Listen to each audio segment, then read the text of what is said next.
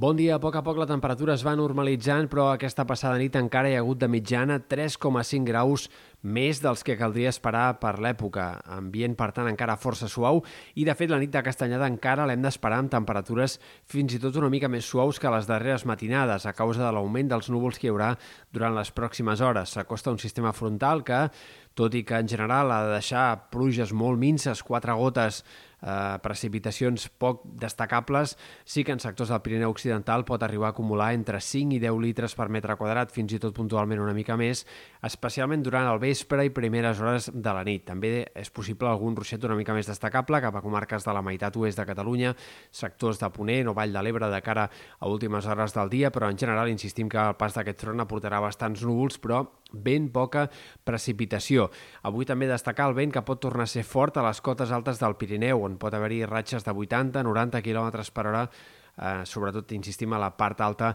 de la serlada. El canvi de temps obrirà la porta a un ambient més fred. Aquests pròxims dies notarem temperatures ja més normalitzades, tot i que hi haurà alts i baixos pel que fa al termòmetre. Demà i dimecres, sensació de tardor una mica més clara, temperatures a la baixa, tot i que no d'una forma eh, notòria, no una baixada contundent, però sí un, dos, tres graus més que no pas els últims dies i de cara a dijous, per exemple, entrarà vent de ponent i això farà que la temperatura torni a pujar a la costa. Hem d'esperar que dijous torni a haver-hi màximes de fins a 25 graus a prop de mar, però això sí, amb un ambient sec, amb un ambient sense humitat. I entre divendres i dissabte serà probablement quan notarem l'ambient més fred d'aquesta setmana, quan les temperatures tocaran fons, arribaran algunes nits ja sota zero en diferents sectors del Pirineu o valls del Prepirineu fins i tot, i el termòmetre eh, marcarà els valors més baixos d'aquesta tardor fins ara a la majoria de comarques. Tot i així, eh, Difícilment aquest fred s'instal·larà. És probable que les nits de cap de setmana sí que siguin una mica més fredes,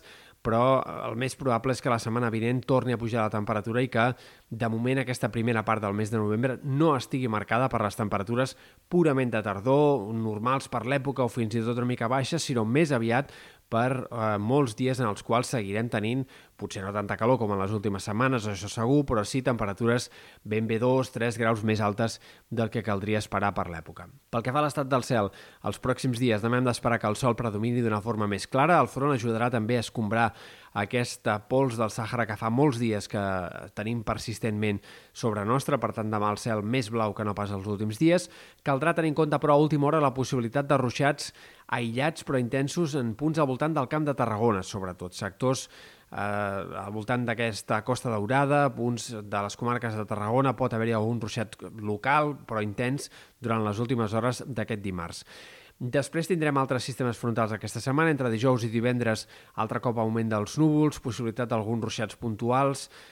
difícilment seran precipitacions gaire destacables, potser al Pirineu arribin nevades que emblanquinin la serlada com a mínim a les cotes altes abans del cap de setmana, però tot plegat no sembla que hagi de ser gaire important i quedaria bastant eh, aparcat de cara al cap de setmana, que sembla que tornaria a ser molt anticiclònic, predominat pel sol i amb un temps força estable. I per últim destacar també, a part del vent d'avui al Pirineu, també entre dijous i divendres notarem el vent en moltes comarques, d'entre Ponent, Mestral, eh, primer en molts sectors de la costa, prelitoral, comarques de Girona, Catalunya central, i de cara a divendres segurament més centrat cap a la Vall de l'Ebre.